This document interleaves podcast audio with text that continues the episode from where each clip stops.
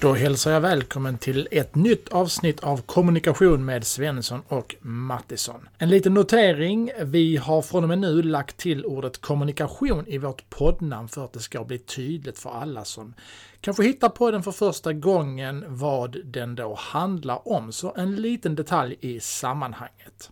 I dagens avsnitt är det bara jag, Anders Svensson, som finns med tillsammans med en superintressant gäst, nämligen Rickard Eriksson, mannen som grundade Lunarstorm. Lunarstorm var, som du kanske vet, en social medieplattform som var föregångaren faktiskt till de här jättarna som vi ser idag, typ Facebook, Instagram och så vidare.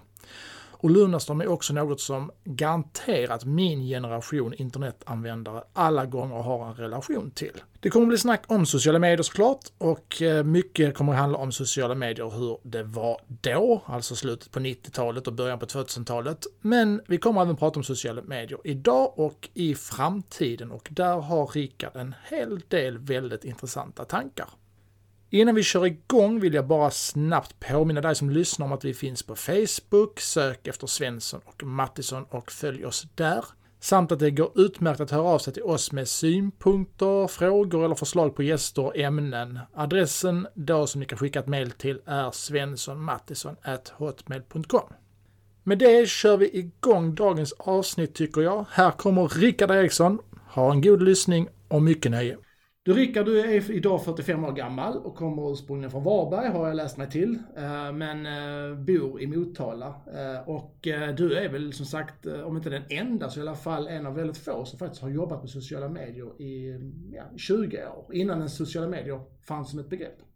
Jag räknar på det faktiskt häromveckan. Jag har jobbat med det här 24 år. Mm. Kommersiellt med sociala medier. Mm. Det är rätt så unikt i Sverige. Ja, och jag jobbar fortfarande med det. Ja. Fantastiskt. En celeber gäst minst sagt. Du, vad, vad gör du idag? För jag gissar att det är ju inte Lunarstorm fokuset ligger på idag. Nej, jag är fortfarande lika nördig både privat och yrkesmässigt när det gäller sociala medier så att eh, eh driver bland annat ett, ett bolag vars syfte är helt enkelt att få företag och organisationer att ta till sig bättre kunskaper hur de ska framförallt göra mer affärer eller ändra eh, nå ut bättre till, till eh, exempelvis kommuninvånare. För alla har ju inte som målsättning att tjäna pengar men de vill få till någon form av konvertering, det vill säga att någon ska förändra ett beteende, källsortera mer eller vad det nu kan vara för någonting. Helt enkelt nå ut bättre i sociala medier. Därför vi har, alla, alla har ju ett stort hinder i alla de här filteralgoritmerna som helt enkelt gör det svårt att nå ut. Föreläser du någonting och så också? Jag tänker du borde ju vara en intressant gäst. Eh. Ja, jag föreläser om lite allt möjligt. Eh, dels min, min eh, affärsresa, eh, äventyret med Lunarstorm. Men också kring hur man når nya kunder, hur kunderna funkar. Många är väldigt nyfikna på vad jag brukar kalla för Luna-generationen. De här två miljoner svenskarna som har vuxit upp digitalt på Lunarstorm. Som har helt enkelt haft hela sin ungdom där. Träffat första tjejen, träffat kompisar och kors och tvärs runt landet för att träffa intressanta människor Eh, hur de skiljer sig från egentligen min generation. För de, man kan väl säga att de är de här som växte upp under den här perioden, de är någonstans eh, 28 till eh, 40 kanske. Det vill säga alla har blivit eh, riktiga konsumenter, bildat familj, köper lägenhet, hus och så vidare. Och de eh, har lite andra behov än vad den äldre generationen har. För de, de är vana vid att allt är ett klick bort. Och de eh, tycker inte lika mycket om att eh, prata i telefon med, med kunder liksom, eller med, med, företag. Utan de förväntar sig att man ska kunna messa och man ska få svar direkt och så vidare. Eh, och alla företag funkar inte riktigt så. Utan de är ju byggda utifrån de som är kan man säga 45-50 plus egentligen idag. Precis, man kan säga det. Många företag kan man få tag i liksom i en telefon eller komma till något växelnummer men, men inte alla erbjuder kanske chattar eller chattrobotar till exempel idag, även om det ju växer. Mm. Men, men där är ett tydligt tecken på att, att, att, eh, man är kvar lite grann i det gamla. Ja, ett exempel är väl att, äh, att äh, du har kanske säljkompetent personal när du ringer till företaget. Alltså någon som förmåga att ro affären i hamn. Eh, Medan på sociala medier där sätter de någon junior som inte har den kunskapen utan bara är ren kundtjänst. Som inte ror affären i hamn. Får till en konvertering. Och det är väl där som många företag inte insett att de måste faktiskt ha riktigt bra personal där. Du är ju som sagt grundaren av just då Lunarstorm. Brukar du kallas för Sveriges Mark Zuckerberg någon gång? Nej, det har jag nog aldrig, det har nog aldrig någon sagt. Då är det första gången nu då ju. Ja. Uh, men blir du igenkänd någon gång? För jag tänker ändå det är ju ändå liksom stort att, att vara grundaren av, av ett ändå så pass stor community som det ändå var i Sverige. Eh, ja, det händer väl att jag blir igenkänd och framförallt i min hemstad Varberg så vet ju alla vem jag är så, såklart. Eh, även om man aldrig blir profet i sitt eget hushåll som man brukar säga. Eh, men namnet känner ju folk många till och eh, så fort de har hört vad jag gjort så blir det alltid ett, eh, ett litet sus i lokalen.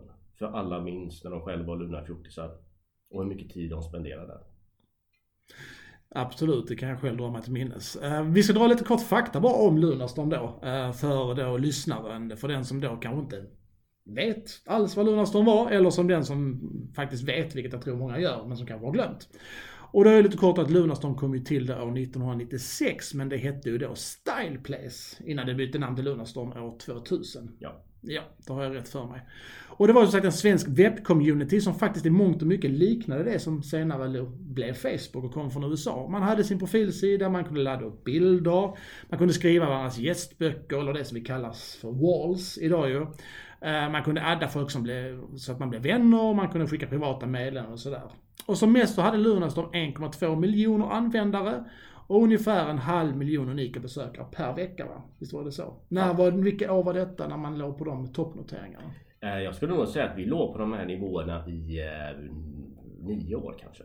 Mm. Det, det låg väldigt konstant där, det vill säga 80% av alla mellan 12 och 24 år eh, hängde här. I genomsnitt 40 minuter om dagen. Eh, och jag, jag, såg statistik från Facebook häromdagen att eh, man spenderar 40 minuter på Facebook också.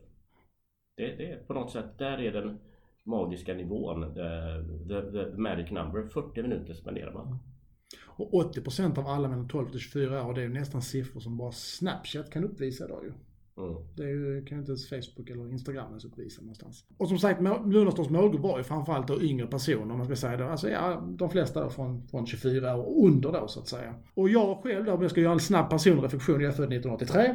Uh, eh, och jag minns mycket väl Lunarstorm när det kom till, jag gick på gymnasiet.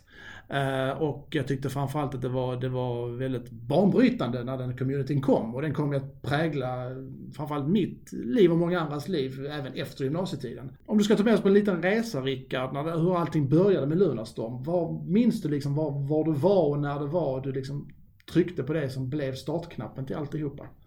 grunden så började jag ju långt tidigare. tidigare. Jag startade min första digitala mötesplats, jag tror det var 89 någonstans där. Eh, då fanns ju inte internet för gemene man utan då fanns något som kallades för BBS, Bulletin Board Systems. En slags primitiv form av an elektroniska anslagstavlor. Såg ut som text-tv ungefär. Ingen grafik utan bara eh, tecken och 16 färger. Och, eh, det var långsamma modem så man såg verkligen hur bokstäverna ritades fram på skärmen som i gamla filmer man visualiserar datorer i gamla filmer. Jag tyckte det var jättespännande. Eh, men, men såg att eh, det fanns en begränsning i det här. Dels så krävdes rätt mycket kunskap för att få tillgång till de här mötesplatserna. Eh, man var tvungen att vara datanörd. Och det var väldigt dyrt. Därför skulle man ringa upp en BBS i USA så fick man ju ringa det telefonnumret istället för att man knappade in en webbadress.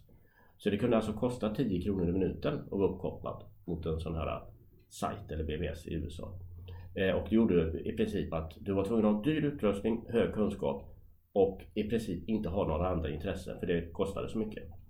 Eh, men där såg jag möjlighet att man, skulle man kunna förenkla det här, ta bort alla datoruttryck, datorförkortningar, eh, förenkla tekniken eh, så kanske man skulle kunna få vanligt folk att använda det här. Inte bara datornördarna som, om jag hårdrar det lite, snackar om Star Trek och programmering som inte jag var intresserad av. Eh, då kanske man börjar snacka om, får man in resten av grabbarna och sen framförallt tjejerna som inte fanns på de här plattformarna alls. Så skulle man kunna göra någonting stort. Och 96 kom jag i kontakt med internet första gången. Så då kan man säga att jag flyttade över mitt tankepaket till, till webben och eh, fick lära mig programmering för att kunna tillverka idéerna och grafisk formgivning, fotografering, eh, copywriting, det vill säga korta kärnfulla texter så jag får användarna att bete sig som jag vill. Jag fick agera trivs trivselfarbror. För det är klart, samlade mycket människor i en stor lokal så blir det konflikter av olika typer. Eh, jag fick lära mig tjata hål i huvudet på journalister så att jag fick den tidningsrubriken jag vill ha. Så jag fick fler användare. Kort sagt fick jag lära mig en massa yrken. Eh, och jag hade ju inget yrke i grunden alls. Jag tänkte ju alla först tidigt så skulle jag bli läkare. Men det skit ju sig. Men någon, någon dag ska jag väl skaffa ett riktigt jobb. Men på, på, den vägen var det. Så jag fick ju spela ett enmansband under fyra års tid. Det här var ju bara ideellt hobby, hobbybasis. Och det tog ju allt mer tid. Eh, men det är också... Det, det, tog mig väldigt många år att komma på vad jag ska skriva på mitt, mitt visitkort. Eftersom jag har ju under alla de åren hållit på med allt möjligt. Men jag kom ju på att det handlar om kommunikation.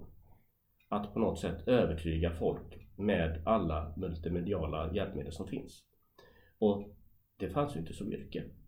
Så det tog nog 15 år innan jag hade den första titeln på mitt visitkort och det var digital övertygare. Jag är duktig på att övertyga folk att eh, köp det här, ändra uppfattning eller bete dig så här. Utan att vara begränsad till bara text eller bara stillbild eller video eller podd eller vad det kan vara för någonting. Jag var ganska bra på alla de här sakerna men inte specialist på någonting. Mm. Och det är egentligen det här som man ställer krav på att företag ska kunna göra då. För att kunna nå ut med sin marknadsföring. De behöver vara duktiga digitala övertygare. Och det är väldigt få som är det. Mm, verkligen, så är det. Jag läste någonstans också att du, du hatar programmering egentligen. Det tror man inte riktigt om man har grundat Lunarstorm. Nej, det är skittråkigt. Det var så skönt när, man, när jag kunde anställa min första programmerare.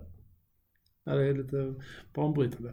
Men jag kommer ihåg liksom så här eh, Steve Jobs och så här Apple, ja men det kom till i ett litet, det här garaget, här inne satt de och liksom förändrade världen. Kommer du ihåg liksom var, var själva liksom Lunarstorm, var det, var det liksom hemma i din lägenhet eller vad det var i ditt kontor eller? Var, liksom, var föddes Lunarstorm ja, Det började faktiskt att jag, eh, jag gick en webbutbildning i Varberg. Ehm, och eh, webbdesignutbildning och jag hängde inte med vad som hände på lektionerna för jag satt och byggde Styleplace eller Lunarstorm. Eh, och jag var, jag var där för att få tillgång till en dator och fast lina. Men jag hade tur och var effektiv också så jag, jag nailade alla, alla eh, skol, skoluppdrag, skoluppgifter och liknande. Så det gick jättebra då. Men då satt jag och byggde den och eh, sen fortsatte jag. Eh, blev anställd på en, eh, en webbyrå Eh, och eh, fortsatte med den här tjänsten. Jag la in eh, Styleplace på företagets webbservrar. En av våra kunder, VDn och grundaren för ett av våra största livsstilsvarumärken i Sverige. Jag eh, övertygade honom att han behövde ha en väldigt stor server till sitt lilla intranät. Där då hans kunder kunde logga in och titta på produkterna. Jag förmodar att det kanske var 30 användare totalt. Så det egentligen hade det ju räckt med en miniräknare sannolikt. Men jag övertygade honom att köpa in den största dyraste servern som fanns. Och så la jag in Starkplace på den. Mm. Därför det var ett ständigt problem att det, eh, det, kräv, det krävs rätt mycket kapacitet. Är analoga termer, stora lokaler för att inrymma alla de här användarna. Ehm, och då behöver man ha dyra servrar. Eh, och i och med att jag drev det här på hobbybasis så fanns det inga möjligheter att köpa dem egentligen. Men eh, han eh, blev sen VD för Lunarsson och jag har berättat för honom hur det låg till egentligen. Han har förlåtit mig. du, så du var ju liksom onekligen före din tid någonstans. För här så pratar vi ju då 95-96 eh, någonstans. Alltså gör vi ju. Men vad var det för liksom efterfrågan du såg framför dig? till att vi skulle liksom vilja ha de här communities. Uh, för de här, det här är ju en föregångare till Facebook, Lunarstorm, som, som kom ju. Ja, jag, jag tyckte väl, det, för mig var det ganska självklart allting. Det, för mig var det inte banbrytande eller någonting utan jag såg ju någonting och så sprang jag dit bara.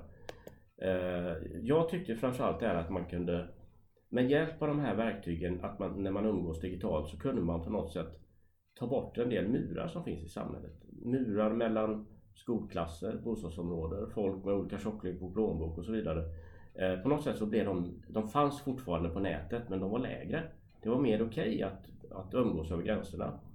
För samhället är egentligen uppbyggt så idag. Du, du går i en viss klass och du umgås inte med de som går i klassen över dig och så vidare.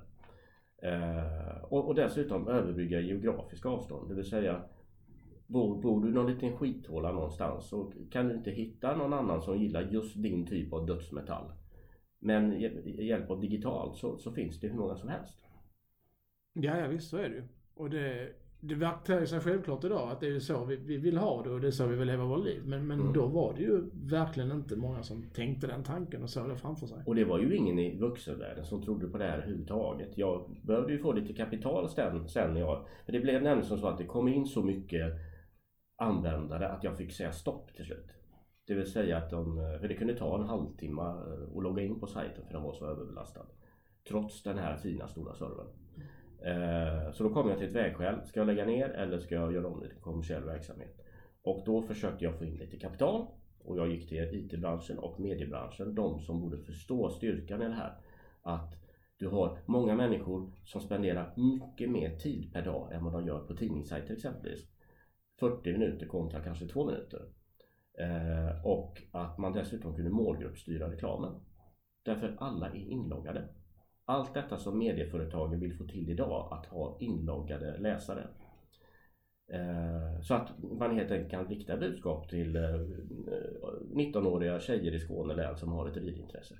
Precis det man gör när man marknadsför på Facebook idag. Så det hade vi som en standardprodukt redan 2001. Att man, ett sånt verktyg, precis som på Facebook.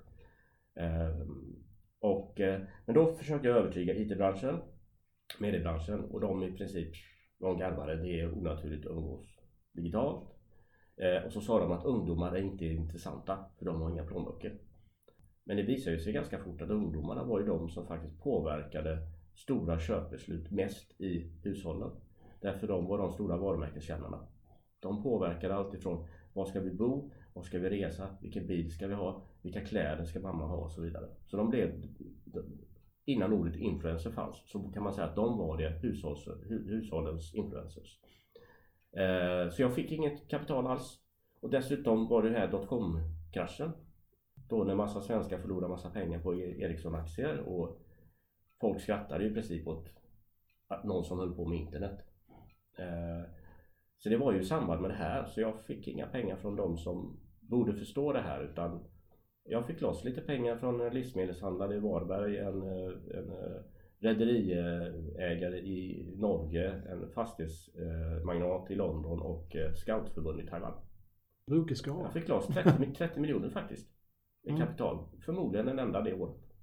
Men inte från de som borde sett styrkan. Nej, det var liksom brokig skara precis. Det var Mm. inte liksom gemene man precis. När liksom på den där resan förstod du då att du hade skapat någonting stort som faktiskt hade gett avtryck i folks liv? Det var väl egentligen inte storheten i sig utan det var ganska eh, mänskliga saker som hände. Det, det kunde vara en, en gång jag förstod att det verkligen var på allvar. Det var när vi började upptäcka att eh, ibland så dog användarna. Ungdomar dör ju av sjukdomar och olyckor och allt möjligt. Och då kontaktar de anhöriga oss och då vill de gärna göra någonting fint av deras krypin som profilen hette på Lunarstorm. Och då byggde vi funktioner för det. det. Helt enkelt, man fick en liten minneslundsikon och så kunde föräldrarna och syskon skriva av sig där. Ungefär som de gick till kyrkogården och pratade lite så pratade de av sig i gästboken. Då började jag fatta att det här, det här, det här, det här hade verkligen impact eh, hos människor. Eh, men ska man ta någon enskild grej så kanske den, en stor grej var när Nationalencyklopedin eh, gjorde ett uppslagsord om ordet Lunarsson. Då, då fanns det i den gamla världen kan man säga. Eh, för vuxenvärlden har ju svårt att förstå det här. Man kan säga att det var först när, när de vuxna började lägga upp matbilder på Facebook som de fattade vad det var som lockade hos deras barn. För tio år sedan. Ja, och det kan man ju säga precis som du sa att det, det, det dröjde ytterligare tio år innan de vuxna förstod det. Mm. Eh, och det kan man väl bara dra till minnes att jag tror det är väldigt många föräldrar så skulle jag skulle jag fråga mina föräldrar eh, så vet de mycket väl vad Facebook är. De skulle inte ha en aning om vad Lunarstorm är. Trots att jag faktiskt tillbringade lika mycket tid på Lunarstorm, om inte mer till och med, än vad jag nu gör på Facebook.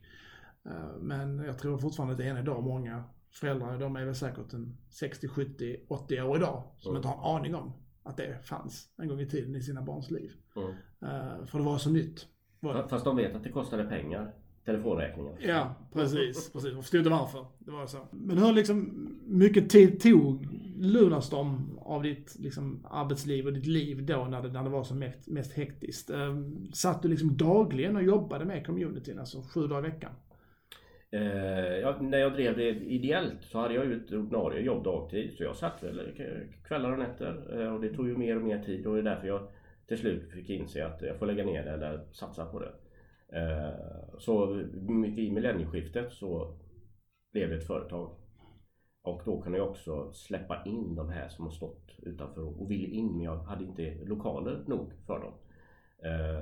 Och det var en stor befrielse och då, och då var lossnade allting. Då gick det väldigt fort.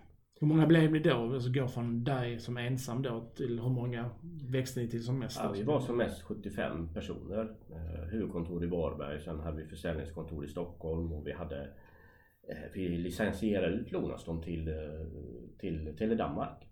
Så eh, de körde faktiskt en dansk Lomastorm. Eh, och sen hade vi ett litet kontor i London med. Eh, vi hade någon idé om att vi skulle se om det här kunde lossna i UK. Eh, men vi var lite sena där på grund av problem med våra ägare, delägarna. Att de var för sega, de krävde för mycket bevisföring och så vidare. För, därför att i resten av världen fanns inte det här. Inte någonstans. Och det är fascinerande. Ja, det gör det onekligen. Och det tänker jag lite grann också att om ni då hade varit lite snabbare och liksom lanserat det här internationellt hade då liksom historien med Facebook sett annorlunda ut tror du? Liksom? Hade ni, ni blivit en konkurrent på allvar? Hade ni kanske slukat det tomrummet som ändå Facebook tog? Alltså den, den stafettpinnen? Eh, Eller hade det ändå blivit Facebook som hade blivit? Jag har ingen aning. Eh, däremot så vi, vi låg ju tio år före i allting. I kommersiellt tänk, i rubbet. Eh, fortfarande eh, tjänar vi mer pengar per användare än vad Facebook och Instagram gör. Det var för Lonason var väldigt lönsamt. Eh, det var en väldigt bra affär. Eh, och, och, Facebook saknar en hel del affärsmodeller som vi hade. Eh, de har ju i princip bara annonseringen eh, som intäkter. Eh, och där var vi ju också störst när det gäller annonsering. Alla stora varumärken gick till oss före de gick till TV och radio. När de skulle marknadsföra någonting mot 12 till 24 år. Därför vi var ju större än alla ungdoms-tv-program, ungdomstidningar tillsammans i, i räckvidd. Så det fanns ju ingen annanstans att gå egentligen. Uh, men just det här försprånget. Uh, vad det handlar om egentligen att på tioårsjubileet när Lunarsson var på topp. På tioårsfesten. Då sålde jag och slutade. Och det var 2006 detta? 2006 ja. Mm. Uh, och då i samband med detta så hoppade en massa andra smart, smartskallar av också. Och, och då på något sätt gick luften ur tjänsten. Den blev tråkigare. Det märktes på tjänsten att det fanns inte det här drivkraften, eh, idérikedomen och så vidare. Och då började en del hoppa över till eh, en ny sajt som heter Bilddagboken. Som också blev väldigt populär. Men eh, Lonasson köpte upp Bilddagboken. Precis som Facebook köpte upp Instagram. Mm. Eh, så Lunarstorm blev som ett litet mediehus med ett antal sajter. Finns fortfarande kvar företaget, det ingår i Nyheter 24-gruppen idag. Eh, och många av de här tjänsterna som vi köpte upp, det, de har säkert 30-40 miljoner användare idag. Eh, men det är inte den lönsamheten som jag hade. Nej, precis. Nej, för nu har det blivit en mer en global konkurrens någonstans som du sa då alltså. För min fascination från början det var ju egentligen Eh, att kunde man på något sätt digitalisera analoga möten och förenkla, ta bort eh, jobbiga moment. Eh, bara en sån grej som att möta eh, den söta tjej, tjejen eller pojken i klassen. Liksom. Eh, kunde man ta bort saker som gjorde att du slapp tappa ansiktet. Eh, och det kan man skratta åt idag men det där var fullständigt fundamentalt under tonåren. Fanns det någonting som kunde förenkla det så, så skulle man göra vad som helst för att få tillgång till det. Mm. Men sen började jag eh, efter det här så började jag bli intresserad av hur får jag så många användare som möjligt? Och sen när jag hade i princip fått alla då blir nästa sak hur kan jag få dem att betala för att vara där? Innan hade jag övertygad om att de Eh, helt enkelt de betalar med sin tid. Men hur kan jag få dem att plocka fram plånboken? Eh, det vill säga att börja betala för våra plustjänster. För 40% av omsättningen var just frivilliga betaltjänster som, eh, där vi inte hade någon kostnad för massproduktion utan det var ju ren vinst kan man säga. Och 60% var annonsaffären. Så jag blir väldigt fascinerad. Hur, hur övertygar man folk att plocka fram plånboken? För det är så mycket svårare att få folk att plocka fram språket. Och det är egentligen det, det jag jobbar med idag. Hjälper företag eh, hur de ska övertyga sina blivande kunder hur de faktiskt ska, så att det blir en affär, så det blir en, en konvertering. Därför att det är något helt annat idag. Du, det, du kan inte gå till tidningen och så ordnar annonsavdelningen på tidningen eh, så att du får till en snygg annons liksom. Utan nu får du göra det själv. Eller anlita konsulter och då ska du ha råd med det också. Och den utmaningen låter onekligen, du nämner tidningsbranschen, det är ju precis så tidningsbranschen var. Att man var, har varit gratis i, i, i väldigt länge, i över ett decennium någonstans. Och nu, nu är man inne här att man ska börja ta betalt. Och det, det är inte helt lätt att få folk, precis som de säger, att ja, men vi har räckvidd, vi, vi ökar våra unika, våra sidvisningar hela tiden. Mm. Men de har svårt att kapitalisera på det och det ska de börja göra nu. Och det går ju sådär. Det går ju trögt. Problemet är väl, och jag ser ju effekter av det här även för vanliga företag. Ta du exempelvis om du, om du eh, följer en tidning på Facebook eller någon kompis har delat en nyhet till någon tidning. Eh, klickar du på den nyheten så blir Facebook-appen helt vit i ett antal sekunder för den laddar sajtens grafik och gränssnitt och, och så vidare. Eh, och så möts du av en, en fullskärms eh, gamblingannons. Så måste du hitta det där krysset för att stänga den. Sen möts du av en sån här GDPR-ruta som täcker två tredjedelar av din mobilskärm. För det är ju så vi konsumerar sociala medier idag. Eh, så måste du hitta den här OK-knappen. och det laggar alltid lite, det tar någon sekund innan den reagerar. Och sen kanske du möts av eh, en sån här webbenkät. Vad tycker du om våran sajt? Mm. Så hittar man krysset där och sen möts du av en betalväg. Och det gör ju att folk slutar klicka. Mm. Och ja. tidningarna kan ju inte tjäna pengar om inte folk klickar. Så de kan exponera annonser eller sälja plusabonnemang. Och det, och, och det har visat sig att uh, någonstans 85% av alla nyheter som konsumeras via Facebook sker utan att du klickar. Det vill säga du tittar på bilden, du läser rubriken och ingressen. Eh, därför du, du vill inte ha de här mikrobesvikelserna hela tiden. Och det gör ju att folk får en ganska skruv, svart och vit världsbild. Oh ja. För då är det ju lite tillspetsade rubriker för mm, oh ja. klick och så vidare. Eh, och det här gör ju också att folk drar sig för att klicka även på företags länkar. Så det blir svårare för företag att sälja mm. om inte folk kommer till deras hemsida. Ja men så blir det ju. Och det är ju också någonstans det här med naturen att men du, du, du sitter ju på men du tar Facebook som exempel. Du sitter ju på Facebook för att du vill vara på Facebook. Du vill inte försvinna från Facebook. Men du vet mm. att klickar du iväg så, så kommer du försvinna från Facebook. Och det, det vill jag mm. inte. Uh, och sen tror jag också att, säger, att många nöjer sig kanske med att ja, men, istället för att klicka in så jag, jag scrollar ner lite i kommentarsfältet och där får man mm. alltid veta lite mer. Och det, det är kanske någon som, som har tagit en bild på artikeln om det nu är låst till exempel. Mm. Eller som har en länk till någon uh, grupp som har delat den.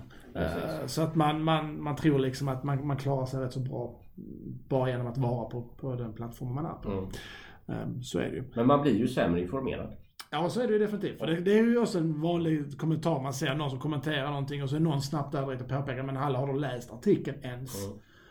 Uh, oj, nej det hade jag visst inte gjort. Nej, för det var ju faktiskt inte det det handlade om som, som man kan tro då. Nej, och det gäller ju även artiklar som är upplåsta som går att nå. Det är, folk eh, tar sig inte tid och de avskyr allt som är friktion, väntetider och så vidare.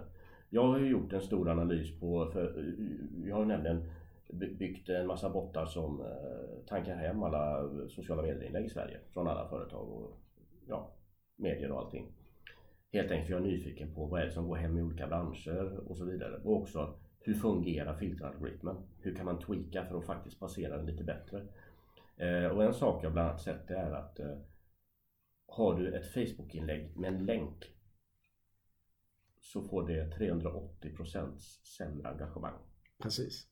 Det vill säga, och jag brukar, då brukar jag säga till företag Handlar det om att du behöver informera, det vill säga värma upp en presumtiv kund eh, så gör det på plats inlägget istället.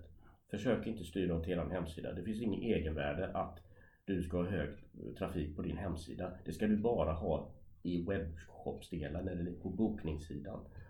Eh, det här det, egentligen det är bara medieföretag som har nytta av hög trafik. Men inte företag.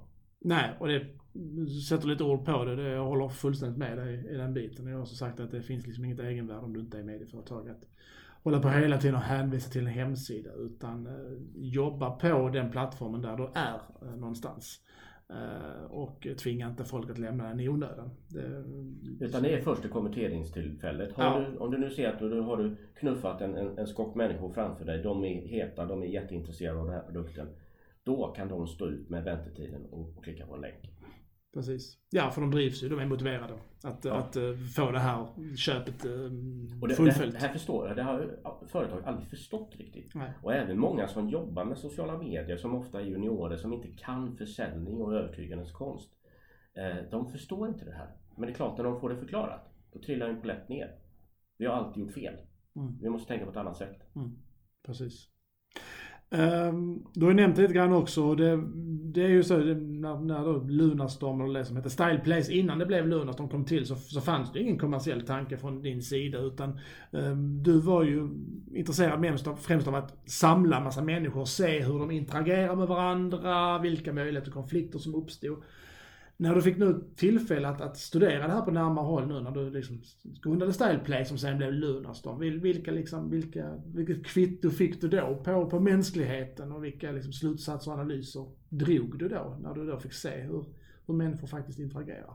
Vad jag faktiskt ser, alltså naturligtvis så blev det konflikter och det fanns eh, rasism och eh, alla möjligheter, alla, all, allt som, mycket av det som finns i samhället eh, återspeglar sig naturligtvis på Lunarstorm också. Eh, men med hjälp av copy, funktionalitet och lite list så kunde man göra effekterna av det där mindre. Eh, och man kunde använda algoritmer för att hitta sånt som var tveksamt. Eh, så att man inte behövde ha 10 000 anställda. Eh, så på något sätt så var det en, en skönare plats än vad verkligheten var. Tack vare att man kunde mildra mycket utav de negativa effekterna. Eh, det kan jag väl inte säga att Facebook är riktigt idag. Nej, Facebook blottar snarare, gör nästan eh, verkligheten, alltså den analoga verkligheten ännu värre. Därför vi hade inte den typen av filteralgoritmer. Eh, vi hade mycket diskussioner kring nyhetshändelser och liknande. För vi såg ju en nyhetsartikel, det var bra diskussionsnäring. Det kunde tända en eld, det vill säga du ägnar en minut åt att läsa den nyhetsartikeln men du kunde ägna 20 minuter åt att resonera kring den. Men vi hade ett väldigt bra uppbyggt moderatorsystem där medlemmarna själva var moderatorer. Eh, så de hade riktigt bra eh, koll på de här bitarna. Och vad jag tyckte var synd också det var ju att för ett antal år sedan så tog ju tidningarna bort sina kommentarsfält under artiklarna. Eh, det skulle i själva verket varit deras nya affärsidé. För det, då spenderar du lång tid, då kan du exponeras för fler annonser och det skapar mycket mer engagemang. Det vill säga att tidningen ska vara hubben i, i allt tyckande. Men de tog bort den och skänkte bort den till Facebook. Det var det dummaste de har gjort någonsin tror jag. Mm. Ja, det var ju mycket för att man, eh, tror jag, kände också att det, det blev för mycket. Man, man klarar inte av att hantera den floden som blev. Och istället för att tillsätta resurser till det så, så valde man istället att nej, vi ska syssla liksom med att ta fram material och så vidare, kommentera eh, saker och tycka till. Får man göra någon annanstans än på våra sidor. För vi, vi kan helt enkelt inte ta ansvar för det. Och det är svårt att bli något annat än någon som skriver tusen ord i en artikel.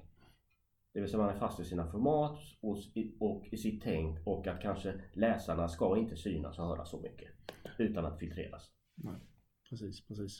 Och det här namnet då, en kort passus bara med just det, att det hette Style Place till en början och sen blev Lunarstorm. Vad var, ehm, vad var eh, så att säga upprinnelsen till att till namnet Style Place och att det sen då blev Lunarstorm? Hur, eh, Nej, jag, vet, jag vet inte varför jag kallar det för Starkplace egentligen.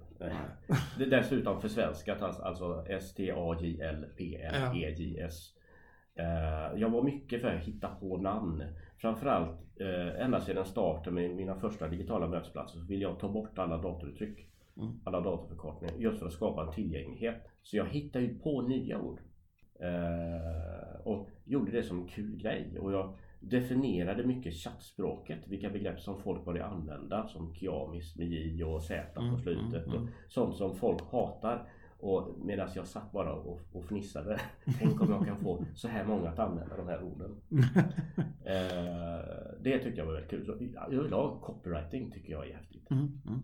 Eh, vad var frågan? Nej, det var mer liksom upprinnelsen till namnet och det att det sen då hette, kom heta Lunarstorm. Ja, sen vill jag bara, jag, jag ville ha ett, eh, ett eh, nytt namn. För det var egentligen samma tjänst men nu hade jag mer resurser och utvecklingstakten kunde öka. Kanske skulle man göra något internationellt i framtiden. Därför vill jag bara ha ett nytt namn. Mm. och Lunarstorm funkar, hade ju funkat ja, internationellt också. Kommer tydligen från mayakulturen där eh, månaden maj eh, motsvarar ungefär stenen Blue Lunarstorm. Mm. Har jag läst på en enda webbsida på, på webben. Det står inte någon annanstans. Nej, nej, nej. Du som sagt, vi har ju nämnt Facebook tidigare och um, Facebook lanserades ju 2004 i USA och kom till Sverige 2006 då. Eh, när, på då, när ni firade 10-årsjubileum då med Lunarstorm. Minns du vad du tänkte när liksom Facebook blev en realitet i Sverige? Eh, Facebook var ju ganska tråkigt verktyg i början. Eh, och var ju inte så, speciellt stort i Sverige 2006. Man kan väl säga att det var 2008 som det började smälla till ordentligt. Men jag slutade som sagt 2006 och då blev ju Lunarstorm tråkigare och fler och fler hoppade över till bilddagboken. Eh, och som man då köpte upp. Så man kan säga att Lunarstorm dog bilddagboken döden. Och sen så dog bilddagboken Facebook-döden eh, ett par år senare. Så det var inte Facebook som bar ansvaret för Lunarstorms fall så att säga? Utan det hade Nej, fallet det, ändå? Det, det skedde tidigare. Mm. så sen la, la, jag tror man la ner Lunarstorm 2012. Då var det liksom alldeles för omodernt och, och tråkigt. Och det fanns helt andra nya intressanta sociala medier. Ehm, jag kan väl tycka att Facebook har missat många möjligheter. Och sen har det ju alltid varit kul att se att de eh, eh många, många gånger gör samma misstag som vi gjorde fast de gör det tio år senare. Ehm, och en del hade man kanske kunnat undvika. Du, vilka misstag tänker du främst på? Eh, jag kommer inte på det just nu. Men, men, men man, man, man fnissar varenda gång liksom de gör samma miss. Mm. Och framförallt nu eh, kan man väl säga kring eh, det här eh, mediedreven som har varit mot dem. För att de har kanske varit lite naiva när det gäller integriteten hos användarna. Eh, naturligtvis ivrigt påhejat av medierna som ser sina annonspengar försvinna iväg till Facebook och Google och liknande. Eh, men det, där kan jag tycka att de har varit naiva. Vi hade alla de här möjligheterna också. Vi valde faktiskt att säga nej till en del av möjligheterna. Därför vi tyckte inte det var fair. Eh, så där kan man väl säga att vi var mer, ska man säga, humana, lite mer eh, ja, tänkte på mötet. Vi var inte så datanördiga. Även om vi hade väldigt avancerad teknik. Utan det var det mänskliga mötet som var viktigt. Jag tror att Facebook är väldigt nördigt, ingenjörsstyrt. Och det var så, som någon sa när jag var uppe, jag vandrade i, i Kaliforniens berg och, och snackade med en författare som skrivit en del böcker om digitala, den digitala världen. Så jag ställde en spontan fråga till honom. Varför lyckas inte Google med sociala medier? Och han svarade bara Because they're engineers. De förstår inte. De ser bara tekniska möjligheter och att en del tekniska möjligheter kanske skapar hinder eller gör folk förbannade helt enkelt. Det är ju det som mycket av kritiken till Mark Zuckerberg består ju att han är bara liksom en simpel hacker någonstans som hade tur och lyckades skapa typ eh, ett monster som det har blivit som han inte ens inte kan kontrollera eller ens visst förstod skulle bli. Just för att han inte hade den där sociala eh, liksom, tanken bakom. Att han, han drevs i första hand, inte för att jag känner honom på något vis, men, men det, han känns verkligen som en hacker, en programmerare som älskar och tycker det är det roligaste som finns. Det här andra liksom, att connect in the world. Ja, det är mer liksom en, en efterhandskonstruktion kanske, någonting som tekniken möjliggör. Medan jag får lite intrycket av att du drevs av helt tvärt emot saker. Att jag liksom tycker där, connect in the world, och ja, jag får väl programmera då, fast det är jättetråkigt för att det är nödvändigt ont. Men Ja, för mig var det du drevs åt tvärtom saker. För, mig, jag, jag är en sån där som, jag, jag, kan sitta på en fest och iaktta vad, eh, vad människor gör. Det vill säga i, i ett hörn så ser jag någon som sitter lite ensam och då tänker jag Men just, han har ju det där intresset. Det har ju den andra personen också. Tänk om jag kunde föra ihop dem. Eller i ett annat hörn så kanske jag ser någonting som bör, börjar bli en konflikt. Början till en konflikt. Kan jag kanske omgruppera människorna så att det lugnar ner sig. Eh, och det, var, det, var, det är sånt jag är nyfiken på och framförallt att se, kan jag överföra det digitalt? Och kanske göra det enklare, roligare, mindre besvärligt, ta bort friktion och så vidare. Eh, så eh, någon slags eh, amatörsocialantropolog, eh, halv, självutnämnd hobbypsykolog lite grann. Ja, jag tycker det man säger om Mark Zuckerberg. Han känns som ett socialt geni precis. Det, det tycker jag ju inte att eh, han känns som. Utan det, det känns mer som en, en, en datakille ute i fingerspetsarna. Men, men man ska onekligen, alltså den utmaningen att bygga upp ett företag med så mycket personal, så mycket server, servrar, serverparker runt om i världen. Eh, det är jäkligt imponerande. Så han, han har åtminstone haft jäkligt bra rådgivare ibland. Oh ja. men, men inte när det gäller integriteten kanske. Nej, det har ju slagits fast med, med all önskvärd tydlighet, tycker jag. Och som sagt, 2006 då, så, så typ nästan på Lunarssons tioårsdag, så, så lämnade du, du skutan. Och eh, jag har läst någonstans att det var väl fastighetsmiljardären Sten Mörstedt som köpte Lunarstorm då till priset av 170 miljoner kronor. Ja, han hade redan köpt på sig hälften. Ja. Eh, och så köpte han resten då, till, till en värdering på 375. Men ingen bra affär av Sten. Nej, det har nog inte varit en bra affär för honom tror jag. Men han var en av de här tidiga som trodde på det här. Eh, så det ska man ge honom cred för. Absolut. Trots att han nog knappt sett en dator. Nej, precis. Hade ni liksom då under så här, 2006, eh, Lunarstorm var kanske lite på väg ner då, hade liksom pikat tidigare. Hade ni några liksom ännu högre bud att ta ställning till när liksom faktiskt Lunarstorm stod på toppen?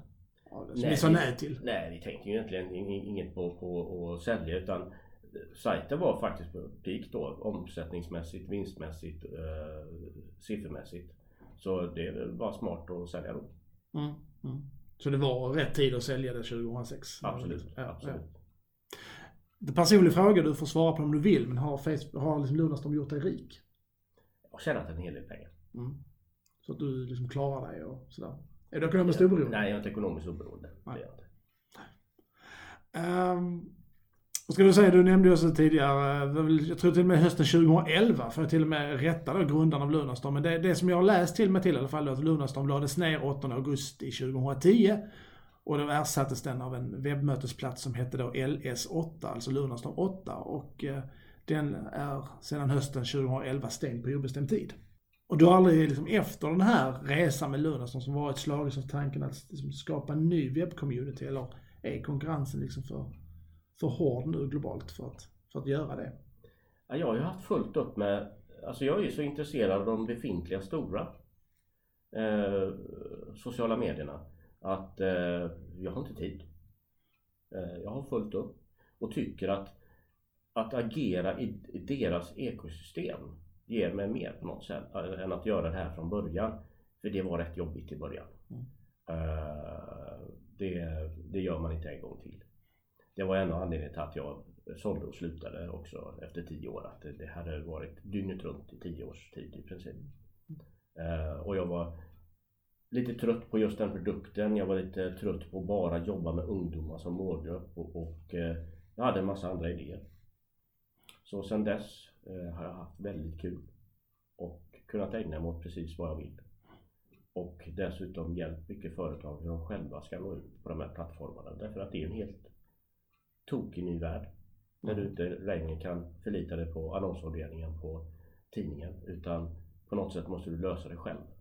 Så eh, jag har bland annat startat ett utbildningsföretag, nischad utbildning tillsammans med ett par kompisar. Där vi helt enkelt, eh, våra marknad är ju alla företag, alla myndigheter och verksamheter i Sverige egentligen. För alla måste ju lära sig mer om det här.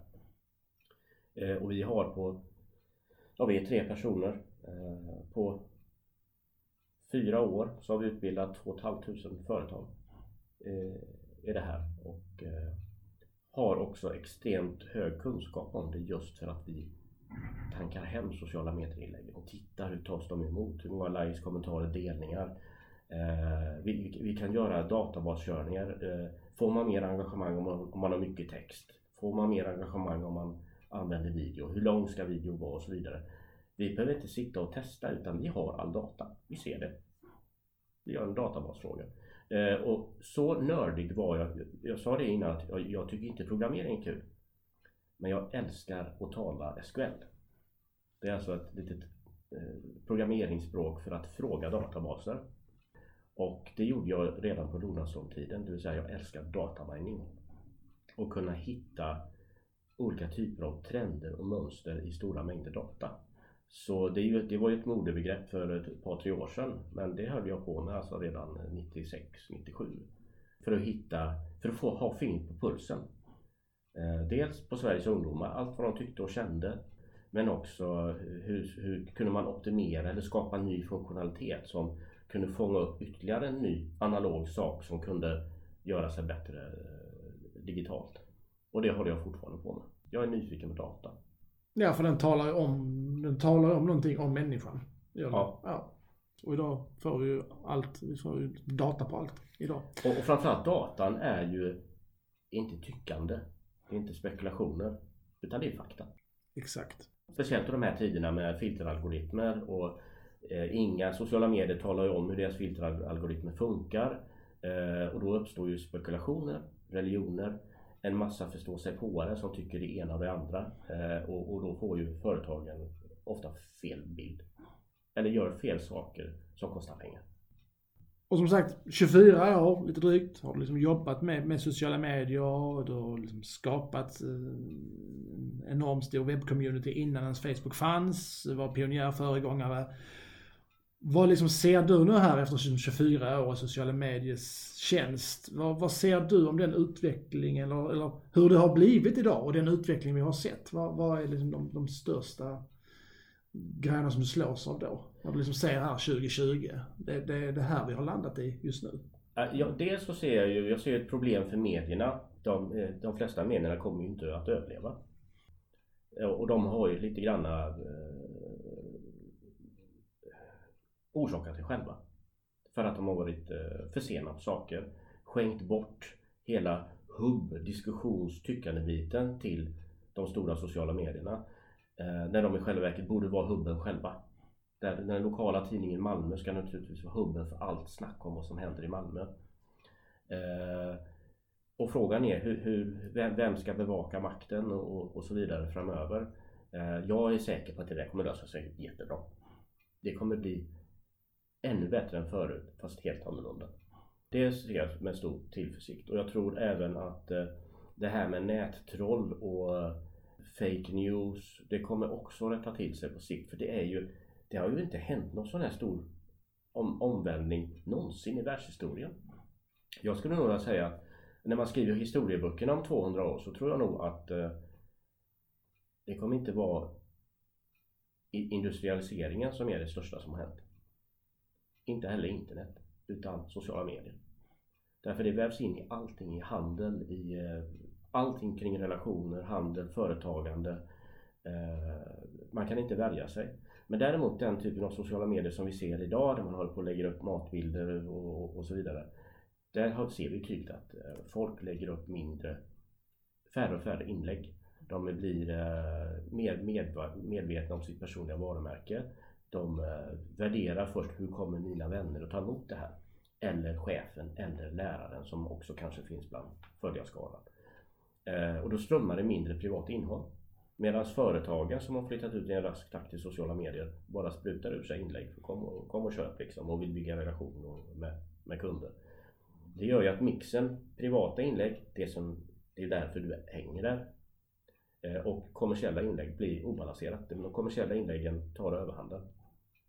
Och det här vet ju Facebook om så de har ju framförallt styrt om filteralgoritmerna väldigt hårt så att, äh, och, och, till, och lyfter upp gamla bilder och föreslår att du ska dela dem igen och så vidare. Äh, men man ser ju en tydlig trend att folk verkar lägga lite mindre tid. Det finns lite små trender bland influencers att de äh, har gått ut och sagt att jag ska använda sociala medier högst en, en timme om dagen. Sen får vi se var den, var den trenden går någonstans. Jag tror, fortfar- jag tror nog att vi kommer lägga lika mycket tid på sociala medier men kanske på ett annorlunda sätt. De sociala medierna kommer funka på ett annat sätt också. Eh, och sen har du hela integritetsbiten. Det har ju visat sig, det, ju, det, det finns ju, det har ju funnits gott om sociala medier som, eh, och sökmotorer som eh, inte spionerar på det överhuvudtaget. Inte ens så mycket sätter en cookie. Eh, men det är ingen som vill ha dem. Utan folk, folk står ju ut med att Facebook gör det här därför att de, så länge de får tillräckligt stort nöje och det är gratis så kan folk tumma på sin integritet. Men samtidigt så har de kanske inte varit fullt medvetna om vad det är som Facebook trackar. Och där har ju Facebook fått, alltså man, man förutsätter ju nästan att när jag klickar runt så kommer de naturligtvis mäta att då kommer Facebook tro att bara för att jag tittar på en eh, fotbollsnyhet som någon har länkat, som har delat på Facebook så kommer jag få intresset fotboll och så kan annonsörer nå människor som har intresset fotboll. Men det här har ju även skett runt om på webben. När du surfar runt på webben så trackar Facebook det också. Så går du in på en Mercedes-handlares sajt så får du etiketten Mercedes. Det har folk inte vetat om. Det märker man väldigt tydligt tycker jag. Mm. Det är bara så här när man är bara snabbt in och ska kika på hotels efter något typ av resmål. Uh, liksom sekunden senare när jag går in på Facebook är det fullt med hotels-annonser överallt. Så att den är onekligen mm. snabb.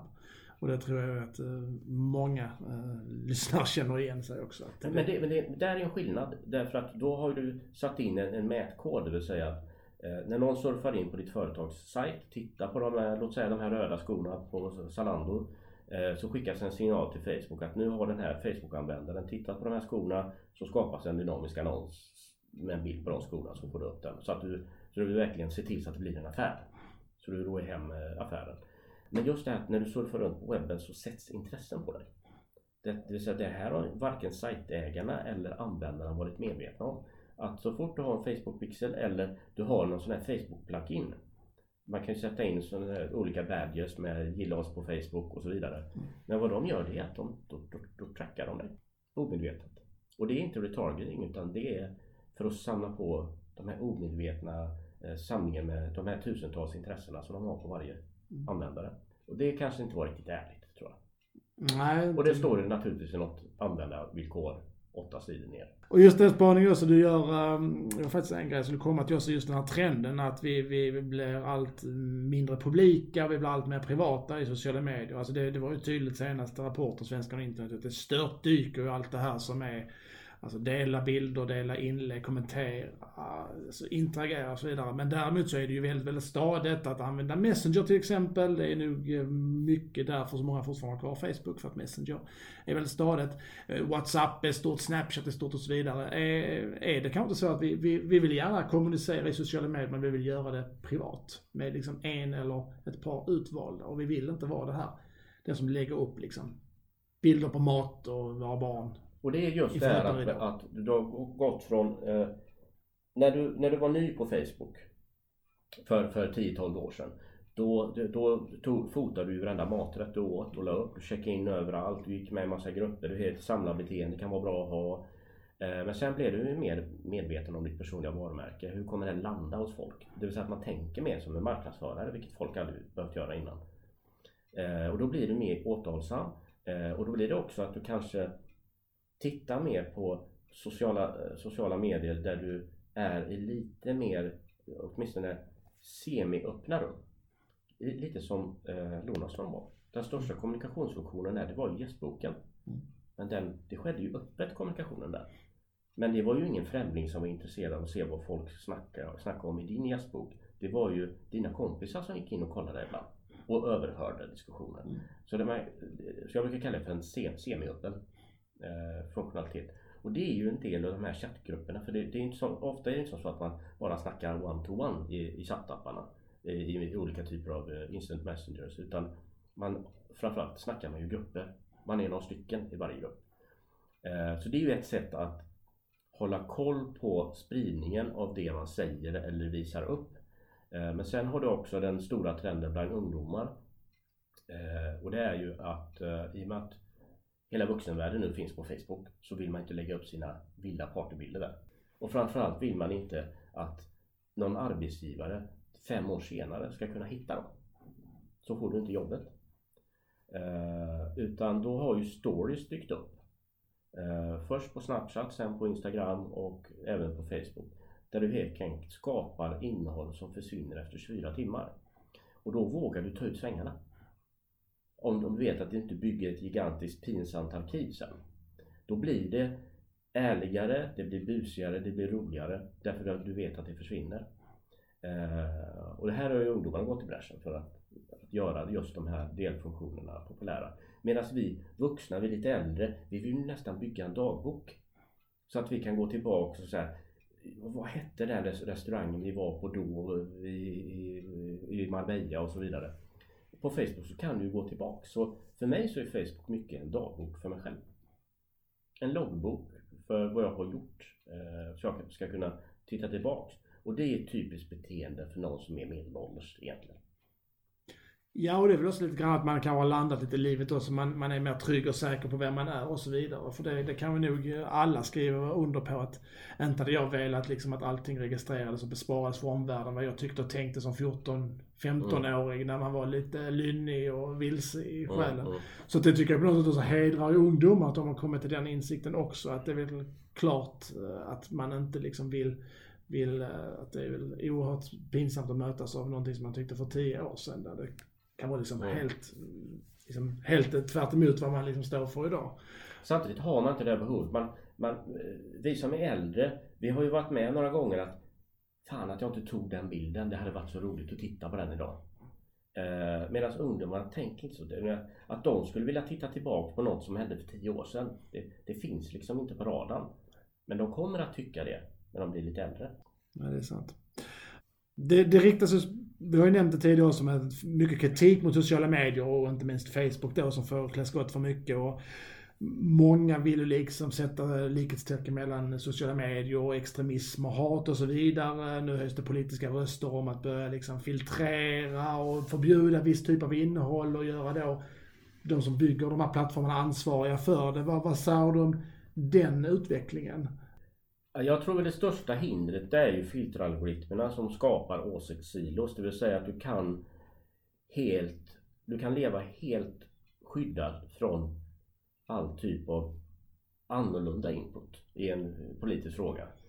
Det ser jag som farligt. Sen tror jag att det är jättefarligt att, man ska gå in och lagstifta eh, kring vad sociala medier får göra och inte göra. För det kan lätt bli backfire.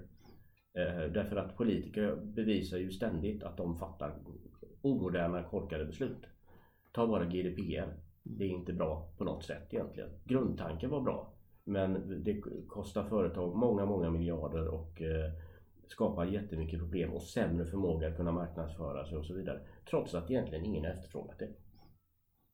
Om vi då ska se här nu av alla den här uppsjön av sociala medieplattformar vi har idag om vi nu ska, den klassiska framtidsspaningen, vi tittar tio år framåt, vilka sociala medier tror du då är vinnarna respektive förlorarna? Eh, jag tror att det kommer, när det gäller ungdomar så kommer det alltid komma nya spännande grejer hela tiden.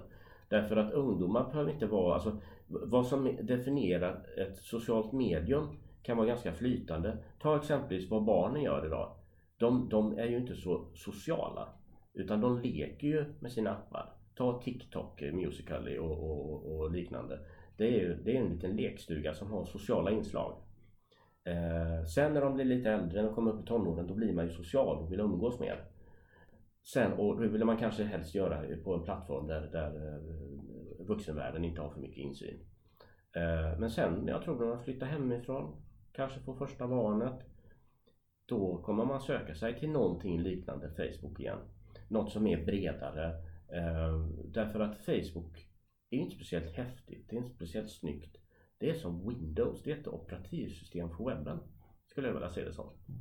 Det vill säga ett eh, lite halvtråkigt men viktigt verktyg som du inte klarar dig utan. Exempelvis när du skaffar barn så det, det går ju inte att hålla sig utan Facebook. Tänk alla Facebookgrupperna du måste vara med i för att överhuvudtaget få reda på att träningstiderna för grabben har ändrats och så vidare. Det vill säga att det är ett verktyg. Eh, och mycket bredare än bara ett socialt medium. Jag tror att handel och sådana här grejer kommer integreras i det här på ett helt annat sätt än vad vi har sett idag. Ja, för så är det ju onekligen ju att eh, det är ju inte liksom primärt för att liksom dela med sig av sitt liv i flödet som man är på Facebook utan det är precis som du sa, mycket för de här grupperna, för de här evenemangen och så vidare. Och jag kommer ihåg bara för var det något år sedan när jag själv skulle arrangera en svensexa och det visade sig att två i gänget inte har Facebook. Vilka problem det var. För det var ju så himla smidigt att bjuda in alla till liksom en, en sluten Facebookgrupp. Här kan vi diskutera, här kan alla komma med förslag, här kan man skicka länkar. Att oh, vore, vore det inte kul att åka hit här? Kik, kolla här, här kan vi käka. Mm. Men så fick man liksom sitta liksom och ringa till de här andra för att jo, det är så här att nu pratar vi om det här och det här, vad tycker ni? Och det var ju jättejobbigt. Jag bara, men snälla kan jag inte bara skaffa Facebook? Och sen bara de här månaderna som går ut igen ju. Mm, mm. Och det är nog mycket därför som jag så tror att det, det, det Facebook tillför något form av värde. Det var kanske det som var tanken från början med Facebook men det är det liksom Facebook har blivit lite grann också. Jag, skulle, jag skulle nog säga att Facebook är, det är webbens operativsystem, det inloggade internet. Där du är, du är en person, du är inte ett IP-nummer bara. Och det, och det, förändrar ju allting. Dels målgruppsstyrning av reklam blir möjligt då. Det som medierna har misslyckats med. Men som de försöker på sig idag med medlemskap och så vidare. Och de försöker starta Facebookgrupper också, för det har ju sett flera tidningar som gör, som startar olika typer av intressegrupper på just Facebook. Så det blir lite mm. halvironiskt någonstans att mm. man vill inte ha diskussioner på sin plattform. Istället skapar man en Facebookgrupp och bjuder in sina prenumeranter eller vad det är till att vara där för att komma med tips. När man istället skulle kunna ha det på sin egen plattform. Mm. Och det ser jag är en liten trend idag, att många tidningar gör ju. Och Aftonbladet till exempel var väl de som var först ut just med att skapa alla de här nischade Facebook-kanalerna. Och då föder man ju bara Facebook. Ja. Man föder ju inte sin egen verksamhet kan man väl säga. Nej, indirekt gör man inte det. Så jag förstår inte riktigt hur de tänkt från början. Nej, det blir lite, så att säga, mm. lite, lite feltänkt så att säga. Mm. Det är det absolut. En tanke som har slagit mig någonstans, precis som du nämnde också, att det är ju sociala medier som kommer vara det stora banbrytande för historien. Det är liksom inte internet i sig så. Jag har tänkt tanken många gånger, varför diskuteras det inte att vi borde ha en sociala medieminister? Det, det, det, går väl mer åt det hållet med tanke på att det, finns en del problem i sociala medier. Och det, det som är utpräglat som bara liksom, nu har vi ju det väl under, det är väl under digitaliseringsministern eh, som det ligger de här grejerna. Men det är ju bara en av flera saker. Men just en utpräglad sociala medieminister. Ja, det tycker jag. Ja, jag har inte tänkt tanken själv men, men eh, definitivt borde det finnas något sånt där inom FN åtminstone. Eh, som får på, nät, på något sätt samordna det. För jag tror att en sociala medieminister i Sverige kan inte göra någonting. Alla tjänster är globala. De omfattas av uh, minst två olika nationers uh, lag, lagar och regelverk. och att det, man kan inte göra så mycket som enskilt land. Utan det är snarare, det bör vara på en högre nivå. Mer än att kanske sätta stopp för tokiga regeringsbeslut som kanske kommer till på grund av mycket okunskap och oförståelse. Så kan det väl vara över, överlag att eh, både de, de, de, som skriver lagar och eh, ursprungligen beslutar att vi, vi, ska gå åt ett visst håll. De har ju ganska grund IT-kunskap kan man säga. Och det har väl alltid bevisat sig. Sen är det ju svårt att skriva lagar därför de ska ju vara teknikneutrala. Så det är jättesvårt att få till någonting som är verkligen optimalt idag. Och sen tar det ju gärna några år innan de verkställs också. Och det är inte så bra heller om man säger framförallt inte för Sverige heller som ett land som är väldigt för liksom, demokrati och fria ordet ska börja liksom göra olika typer av regleringar och lagstiftningar för sociala medier men som sen kanske inte gäller i Danmark eller Norge. Det, det ser ju illa ut också om det Nej, och, då, och då blir det väl gärna att då, då, eh, nu är det ju inget problem för nu är ju sajterna inte, de drivs ju inte från Sverige. Nej. Men, men hade de gjort det, då hade de flyttat. Ungefär som TV-kanaler startade i London istället för därifrån fick de sända reklam eh, en gång i begynnelsen. Eh, så marknaden eh, rör ju på sig och då blir ju en del lagar meningslösa. Men jag tror överlag, man, det, det händer så mycket nu som kommer få konsekvenser för alla. Och det händer inte bara lokalt eller nationellt utan det händer över hela världen. Det får konsekvenser för eh, klimat, för hur man gör affärer, hur handel funkar, hur relationer... Eh, nationalstaten blir ju mindre och mindre. Eh, och, och en, en, en, statsminister får mindre och mindre att säga till om. Mm, absolut. Och liksom skillnaden också med, med var du bor någonstans i världen och i ett land. Det blir ju, alltså, den gränserna suddas ut mer och mer. Liksom just för att du har det här digitala kommunikationslandskapet någonstans och då spelar det ingen roll om du, du sitter på landsbygden eller i storstad eh, för att du liksom du spelar på samma villkor som alla andra ändå. För det är liksom ute på den liksom, digitala arenan som vi alla är. Och den ja. är ju klasslös. Det, det, har ju pratats mycket om det här att man ska, man ska förbättra eh, tågrälsen eh, och, och införa långsamma snabbtåg mellan eh, Stockholm och Göteborg, Malmö. Eh, till fruktansvärt mycket pengar. Jag tycker man istället skulle lägga, öronmärka de pengarna och göra Sverige till världens bästa distansjobbarland. Eh, att vi ska bli världsledare på att ta fram teknik för videokonferens. Eh, I princip känna att man sitter bredvid varandra för det, det funkar inte riktigt idag. Eh, och, och, även göra att på varenda ort så finns det någon hubb där folk kan gå och jobba så att de kommer ifrån. För det är svårt att jobba hemifrån för, för en del människor. att vi ska bli världsbäst på det och exportera det. Ungefär som eh, Tyskland sa att vi ska bli bäst i världen på solpaneler, solceller eh, och då, så blev de det. Det är klart att det kostar en massa pengar. Eh, där känner jag att Sverige, vi, vi har inte något så mycket eget längre. Det är en intressant tanke och um, absolut någonting man skulle kunna gå vidare på så att säga, för det ligger verkligen i tiden. Och det är väl nackdelen då med politiker, de tänker så som man alltid gjort, man ska bygga eh, infrastruktur och så vidare. Tänk om man tänker helt om. Eh, men då måste man ha de injektionerna också i de beslutsfattande. Att de här idéerna kommer fram. Kanske en sociala medieminister. Ja, skulle absolut kunna vara under det flaggen. Absolut. Du, vi ska börja runda av lite här. Jättekul och spännande samtal att ha med dig. Men um, avslutningsvis om man vill följa dig och ditt arbete, var ska man vända sig då någonstans? Eh, man kan gå in på nischad.se eller så går man in på Facebook och letar upp min Facebook-sida. Och den heter, det är bara att söka Rickard Eriksson? Rickard Eriksson, digital övertygare. Eller så går man in på rickard.eriksson.vip. Min hemsida. Gött. Så det är tips att göra det om ni är mer nyfikna på, på Rickard. Som onekligen har en del intressant att säga. Du, jag sa tack så mycket Rickard för pratstunden. Ha det gött. Ja, och vi är tillbaka med ett uh, nytt avsnitt här igen om två veckor. Uh, onsdag om två veckor. Så uh, du som lyssnar, ha det bra. Hej då!